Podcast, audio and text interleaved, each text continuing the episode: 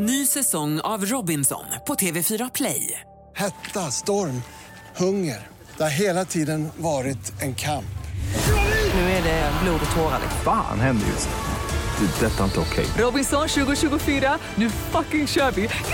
Streama söndag på TV4 Play. Du lyssnar på en podcast från Expressen. Fler poddar hittar du på expressen.se podcast och på iTunes. Han vill peta Putin och riskerar fängelse. Det här är Expressen Dokument, ett fördjupningsreportage. Varje dag med mig, Johan Bengtsson, som idag läser Gunnar Johanssons text om att oppositionsledaren Alexej Navalny är inför rätta idag. Han jagar toppmännen i den ryska eliten med sina avslöjanden om korruption och han hotar att kandidera i nästa presidentval. Nu står den ryske oppositionsledaren Alexej Navalny inför rätta för förskingring. Frågan är bara vad straffet ska bli.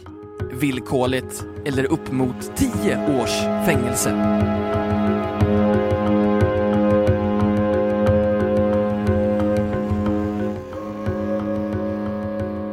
Stjärnbloggaren Alexej Navalny, 36 år, har framträtt som president Vladimir Putins fiende nummer ett.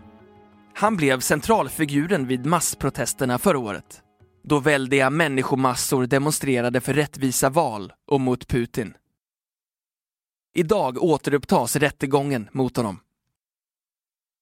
Navalny såg självsäker ut där han satt i rättssalen vid den förra förhandlingen för drygt två veckor sedan. Han var avspänt klädd i jeans och blå skjorta. Rättegången är en ursäkt för en väldig massmediekampanj där jag målas ut som en skurk. Man vill få bort mig från den lagliga politiska arenan, sa han enligt direktsändning i TV som gick att se på nätet. Navalny är ungdomlig och optimistisk i stilen. Inte undra på att han blivit en förebild för många unga professionella Moskvabor ur medelklassen. Sådana som liksom han rör sig hemtamt i den nya internetvärlden. I år verkar den ryska protestvågen ha tappat mycket av sin gamla energi. Men Navalny har kämpat på och förklarat att han vill ersätta Putin som president. Han var självklar huvudperson vid en enstaka demonstration som hölls den 6 maj under uppehållet i rättegången. Där sa han stridslystet. De kan ställa mig inför rätta 124 gånger till. Jag struntar i det. Jag kommer att fortsätta att säga min mening. Rättegången mot Navalny sker i landsortsstaden Kirov, 90 mil nordost om Moskva. Sen starten har utredarna presenterat ännu ett åtal mot honom för nya bedrägeribrott. Rättegången jämförs med en annan spektakulär process. Den mot oligarken och Putinkritikern Mikhail Chodorkovsky som 2005 dömdes för ekonomiska brott. Närmare i tiden har vi också rättegången mot punkgruppen Pussy Riot förra året. Boris Nemtsov är den liberale före detta vice premiärministern som nu är en av Navalnys kamrater som oppositionsledare. Han var med på plats i Kirov när rättegången inleddes och han talade vid demonstrationen den 6 maj. Han säger till Expressen jag är övertygad om att beslutet att straffa Navalny har utgått från Putin. Det har varit så många utredare och fallet har fått så stor uppmärksamhet i Putins tidningar och tv-kanaler. Det hade inte kunnat ske utan att han själv gett order om det. De kan sätta Navalny i fängelse, men han är modig. Han kommer att bli betraktad som en politisk fånge, en samvetsfånge och det kommer att öka hans popularitet, säger Nemtsov. Boris Nemtsov jämför med Chodorkovsky som straffades för att affärsvärlden skulle skrämmas.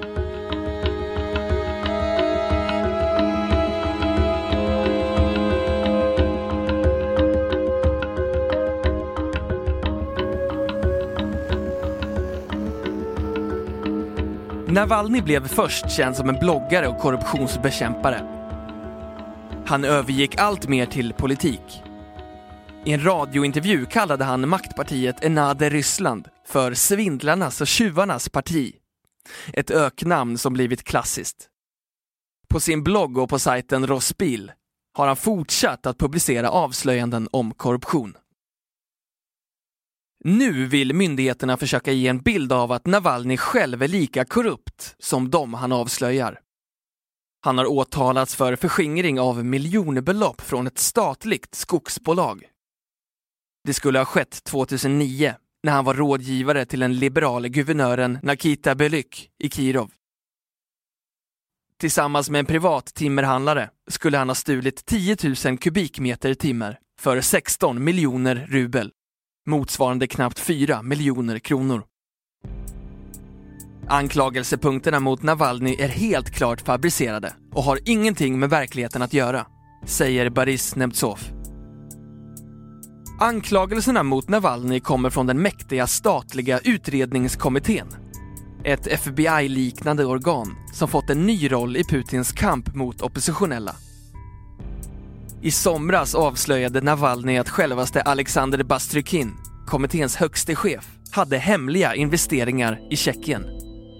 Inför rättegången skrev Navalny själv i en artikel i Moskva-tidningen New Times, som trots namnet är på ryska. Varför vill Putin sätta mig i fängelse?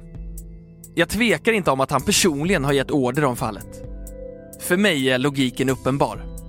Han och cirkeln kring honom måste bevaka sin makt. För att hålla sig kvar vid makten har de ingen annan mekanism än att fängsla människor.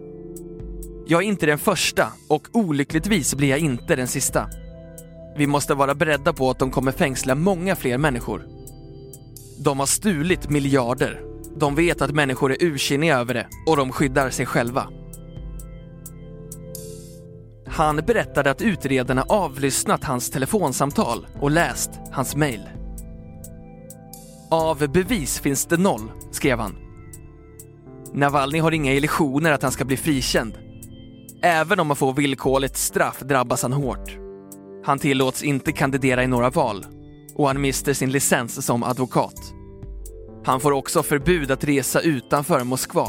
Alternativet är ett fängelsestraff som kan bli upp mot tio år.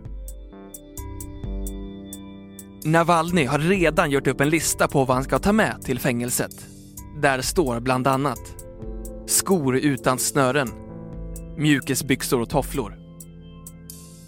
Navalny må vara en stjärna för unga moderna människor i Moskva, men som alltid är det en väldig skillnad mellan huvudstaden och landsorten. Genom att han inte kommer fram i de statliga tv-kanalerna är han okänd för många vanliga ryssar. Alexandra Astachova är journalist på finanstidningen Vedomosti. Hon har startat en Facebookgrupp där deltagarna lägger ut foton av sig själva när de håller upp plakat med texten “Rättegången mot Navalny är en rättegång mot oss alla”. Vi ska stödja Alexei och hans familj vad som än händer, förklarar Alexandra Astachova för Expressen. Den första uppgiften var helt enkelt att ge moraliskt stöd till Alexei och hans familj. Att visa att vi inte är rädda och att vi bryr oss. Den andra viktiga uppgiften är att göra honom känd hos sådana som inte tidigare hört talas om honom. Samtidigt är det viktigt att stödja alla som olagligt blir arresterade och satta i fängelse för att de är mot korruption. Utredare och domstol gör inte sitt jobb på ett rättvist sätt. Alexandra Astachova är inte rädd för egen del. Jag måste göra det jag gör. Annars skulle jag inte känna mig som en hederlig människa, säger hon. Du har hört Expressen Dokument, ett fördjupningsreportage om att Alexej Navalny ställs inför rätta idag av Gunnar Johansson, som jag, Johan Bengtsson, har läst upp.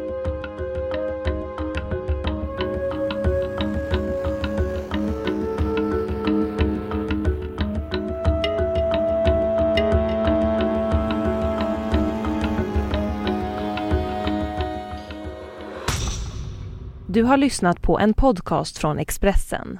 Ansvarig utgivare är Thomas Mattsson. Fler poddar finns på Expressen.se och på iTunes. Ny säsong av Robinson på TV4 Play. Hetta, storm, hunger. Det har hela tiden varit en kamp. Nu är det blod och tårar. Fan händer just nu. Det. är Detta är inte okej. Robinson 2024, nu fucking kör vi! Streama söndag på TV4 Play.